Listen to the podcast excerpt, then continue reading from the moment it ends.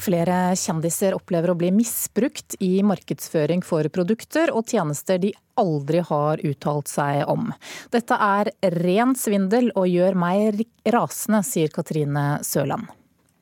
Jeg blir forbanna, kjenner jeg jo. Jeg driver og liksom reklamerer for at jippi, smelter vekk magefett og sånn. Altså, nå, nå, er jo jeg ikke så sykt stor i utgangspunktet, så skal jeg drive og reklamere for noe som det. Hadde jeg jo aldri gjort. Dette sier Katrine Sørland. For noen måneder siden opplevde hun at hennes navn ble misbrukt i en reklame for et slankeprodukt som skulle smelte vekk fettet. Reklamen florerte på sosiale medier, og Sørland fikk flere frustrerte henvendelser fra folk som trodde at reklamen var sann. Så skriver de at eh, jeg har vært altså, i et nylig intervju avslørte Katrine Sørland hemmeligheten bak hvordan hun smelter bort tre kilo fett hver uke uten diett eller trening. Og Sørland er langt fra det eneste kjente fjeset som har opplevd å bli brukt i reklamer som de ikke har godkjent.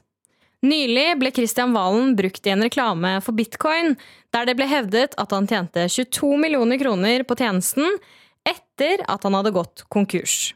Kristian Valen selv hadde ikke mulighet til å kommentere saken. Men medieansvarlig for Valen, Geir Hamnes, er oppgitt og sier at reklamen er umulig å stoppe. Han har aldri investert en krone i bitcoin. Eh, og det andre er at Kristian eh, Valen aldri har vært i nærheten av å være konkurs. Vi har prøvd å finne ut hvordan man kan få stoppet det, og det er, eh, vi har ikke klart å finne kilde annet enn at det er noen som da ikke er i Norge. Verken Valen eller Sørland klarte å spore opp dem som misbrukte deres navn i sin markedsføring. Dette kan NRK skrive under på at er utfordrende, da vi har forsøkt å spore opp de to selskapene uten hell. Elisabeth Lier Haugseth, direktør i Forbrukertilsynet, opplever at de får mange henvendelser om nettsvindel og at de er spesielt vanskelig å stoppe hvis det er snakk om utenlandske selskaper. veldig ofte så ser vi at det er utenlandske selskaper, og det er jo en uh, litt mer vanskelig vei for uh, tilsynsmyndighetene å, å, slå ned på. Det er dessverre slik at de uh, finner nye veier og nye metoder å, å forsøke å svindle forbrukerne på. Fra fake news til ekte nyheter så kan NRK bekrefte at Kristian Valen ikke har tjent 22 millioner kroner på bitcoin, og Katrine Sørland har ikke blitt slank ved å smelte vekk fettet.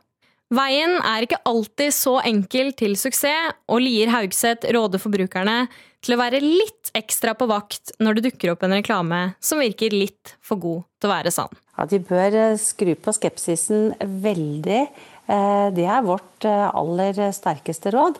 Eh, er det utenlandske selskaper det er knyttet til, så kan det være at skepsisen skal være enda større.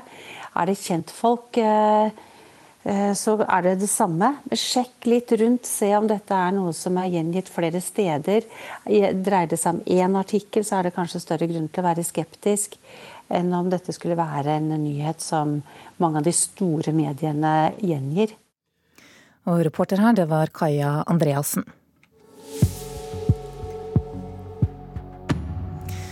Vi skal videre til Det Norske Teatret nå, og forestillingen Life Goes On.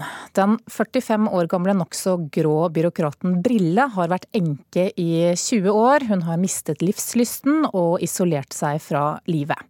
En dag hun er hos legen, får hun vite at hun har kort tid igjen å leve. Brille, jeg, jeg tror jeg jeg må nesten be deg om å, å, sette deg.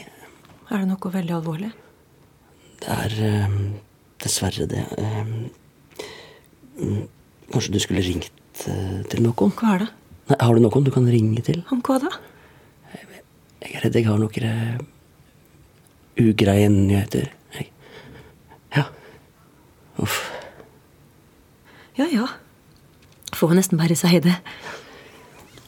Du har framskriden kreft i hjernen. Det Det er Ja, den er framskriden, som sagt, og, og det er dessverre lite vi kan gjøre. Vi kan bremse det noe, men ja. Uff. Ja, Spørsmålet er altså hva som skjer med Brille når hun får denne beskjeden. Dette er rammen for dette nye teaterstykket som altså har premiere i kveld på Det Norske Teatret i Oslo. Stykket er skrevet av skuespiller Rolf Christian Larsen, som debuterer som dramatiker. Frank Kjosås og Heidi Gjermundsen Broch, god morgen til begge dere to. God morgen. Dere har altså henholdsvis regi og hovedrolle her. Stykket omtales som en naivistisk hyllest til eh, livet. Aller først til deg, Kjosås, hva innebærer det? Oi. Eh, det er ikke mine ord rundt stykket, men Um, la oss kalle det heller en ettertenksom hyllest til vår eksistens uh, som menneske. Um, er det lettere å forklare? Uh, ja, egentlig, for det omhandler så utrolig mye. Og jeg tror at uh, vår prosess med dette stykket har, har, gjort at vi har liksom knadd stykket til Rolf Christian og teksten hans i jeg vet ikke om kanskje en annen retning enn det han ville, eller noe sånt, men han har sagt Vær så god, her er stykket mitt, gjør hva dere vil. Og da tenker jeg, da gjør vi det vi vil. Så jeg har tolka det på min måte. Og det er Med en gang vi snakker om liv og død, så er det jo vår eksistens det er snakk om. Og hva skjer med et menneske som får beskjed om at ja, du skal dø i morgen, for eksempel. Det skjer ikke med Brille, men det er ikke langt unna. Mm. Heidi Gjermundsen Broch, det er altså du som spiller hovedrollen her. Eh, Brille, du må fortelle, da. Hva, hva, gjør dette her med henne? Eh, beskjeden om at hun snart kommer til å dø?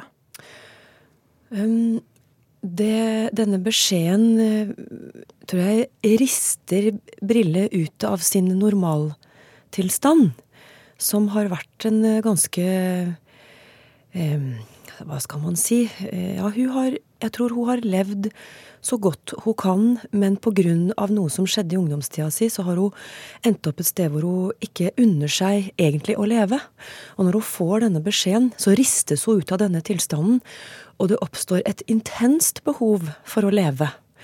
Og prøve å rekke å leve så mye hun klarer før da hennes tid renner ut. Ja, betyr det at hun lager lister, f.eks.? Nei, for det hun tyr til, ja, det, det Brille tyr til, er jo da ikke ikke det reflekterte. Og kanskje hvis vi hadde satt oss ned nå og tenkt ja, hva ville jeg gjort hvis jeg hadde to dager igjen? Jo, jeg skulle, Og så hadde vi vært veldig smarte og reflekterte. Dette er rene eh, følelser, det er intuisjon. Så hun kaster seg ut i noe som kanskje kan ligne på et slags patetisk ungdomsopprør. Eh, griper til det første og beste som kommer hennes vei. Det er ganske basalt. Og eh, når jeg leste stykket første gang, tenkte jeg at dette er utrolig flaut. Men i det så ligger det også noe sånn veldig menneskelig, tenker jeg. Ja, vi er ikke større enn det. Eh, når, når, plutselig det brenner på dass, så er vi ikke reflekterte eller intellektuelle eller, eller smarte. Da mm, da er vi følelsesstyrte, og så også Brille. Mm. Utrolig alvorlig tematikk her. Eh, hva gjør det med tonen i stykket? Er det bare trist, eller er det morsomt, eller hva, hva slags stykke er det blitt? Ja, det er vel en slags uh, lett tung øvelse, for å si det sånn, da. Um, og ut ifra Det er jo som med alle gode komedier, så kommer jo humoren ut ifra alvoret. Uh, og når du da har F.eks. den legen som man eh, hørte her, eh, som kanskje ikke er verdens beste på å gi alvorlige beskjeder, eller kanskje syns det er litt ubehagelig. Så ender man opp med at det kan skje morsomme ting i måten ting blir sagt på, og måten ting blir opplevd på. Og så er det hva som er morsomt med briller som trosser alle grenser bare gir, altså girer ned fra femte til tredje og gir bånn gass eh, koste hva det koste vil, eh, uten å ha en konsekvensanalyse. Og ut ifra det så skjer det gøye ting. Mm. Men Hva gjør dette med perspektivet på eget liv, å jobbe med denne tematikken? Um, mm. Altså, oppi denne ja, det er jo også måten Rolf Christian Larsen skriver på. Han, han, har et lett språk. Så oppi dette lette så har han opplever jeg noe veldig på hjertet, og som handler om hvem vi er som mennesker, og hvordan vi velger å leve livet våre. Og da er det jo sånn at når vi i denne eh, prøvetida herjer med dette stoffet for å prøve å forstå det på best mulig måte, for også å kunne fortelle historien på best mulig måte, så driver han jo hele tiden og henter referanser fra eget liv. Så vi har vel gått noen runder alle sammen, tenker jeg, mm. i, ja, i forhold til hvordan vi sjøl eh, takler vår hverdag, og hva vi burde ha gjort og kanskje ikke skulle ha gjort. Mm. Det er jo lett å begynne å gruble på sånne ting. Så tenker jeg det skal det ikke gjøre så mye, for da kan man fort sette seg ned og eh, tenke at en skulle gjort noe helt annet, men eh. Men det som er veldig fint med måten eh, Rolf Christian skriver på, eh, det er det at han skriver om menneskelige relasjoner. Eh, og han og jeg, før vi begynte den prosessen, eller før jeg begynte den prosessen i hvert fall, så snakket vi veldig om, om eh, inderlighet. Det der å gå inn i noe med å være veldig inderlig og varm og åpen og raus.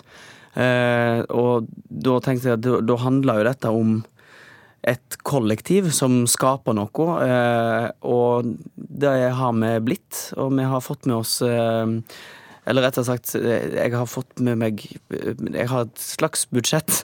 Og det budsjettet har jeg brukt på komponisten Sandra Kolstad, som òg har vært veldig medskapende i den prosessen. Der vi har alltid snakka om Jo, det er en hyllest til livet, men det er òg en hyllest til eh, Ikke til døden, men til bare det å finnes. Og det å finnes er ikke alltid så forbanna lett. Eh, og da skal man ta på alvor, og ikke skyve det under teppet og bare sånn Nei, men å, det, nå må du huske å leve, huske å leve og leve og leve. Man skal òg huske at man skal dø. Mm. Frank Kjosås og Heidi Gjermundsen Broch, takk for at dere kom hit til eh, Nyhetsmorgen. Gunhild Øyehaug slo gjennom for ti år siden med romanen 'Vente blinke', som ble nominert til American Book Award, og senere filmatisert under navnet 'Kvinner i for store herreskjorter'. Nå foreligger hennes nye roman, den har tittelen 'Presens maskin', og litteraturkritiker her i NRK, Knut Hoem. Øyehaug er en særegen blomst i den norske litterære floraen, mener du, på hvilken måte? Jo, det begynner jo å tre fram et univers, da, vil jeg si, nå i denne tredje romanen. Det, det er disse veldig tenkende romanheltinnene som reflekterer, og som er så glad i å se seg selv på distanse. Så dukker det kanskje opp en svermende litteraturstudiene som forelsker seg i en forfatter på omslaget av en bok, og så er det jo en slags geografisk reise fra Sunnmøre, der hvor forfatteren kommer fra, og nedover mot Bergen by med kanskje en liten svipptur til København. Og så er det et innslag av det absurde her, som det alltid er, som kan være litt sånn, komme litt sånn bardus på leseren. Ja, Hva er det hun skriver om eh, denne gangen? Denne gangen skriver hun om to par. og Det ene paret er ungt og i etableringsfasen og forsøker å være lykkelige. og Det er jo fullt av smerte. Og det andre paret er middelaldrende i 40-årene og har eh, barn som sitter og ser på hver sin mobiltelefon, og så skal de forsøke å få det til å gå rundt. Og det er, kan du si, når disse to parene etter hvert i romanen virkelig sett, blir satt i spill, at denne boken blir fylt av blod og liv. Gunhild Øyehaug har jo undervist i litteraturvitenskap på universitetet. Merker du det? Ja, det, Hun er en slags sånn her eh, si, akademikernes kronikør. Eh, det er veldig mye ufrivillig komikk i disse miljøene, som det er i alle fagmiljøene, som det også er i mediemiljøene, eller hvor, hvilket miljø du nå skulle befinne deg i.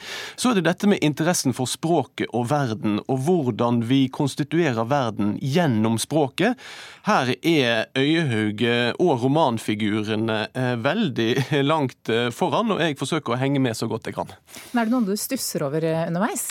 Ja, Det måtte være bruken av parallelle univers. For det er sånn at fordi at det blir lest et dikt litt feil her, så plutselig så skjer det eh, to forskjellige eh, handlinger på en gang. Eh, I overført betydning er dette lett å forstå. Altså, Litteraturen er et parallelt univers. Og hos Øyehaug så er man virkelig inne i et annet sted. Det er ikke sånn at hun leker med det selvbiografiske eller sånt. Så er det interessant med parallelt univers i forhold til at livet vårt ble sånn, men det kunne blitt på en helt annen måte. Rent konkret så er dette en eh, spennende utfordring i romanen, å forsøke å se hvordan disse menneskene lever forskjellige liv samtidig. Takk skal du ha, litteraturkritiker Knut Hoem. Det blir mer om denne i litteraturmagasinet Åpen bok på P2 førstkommende søndag klokka åtte.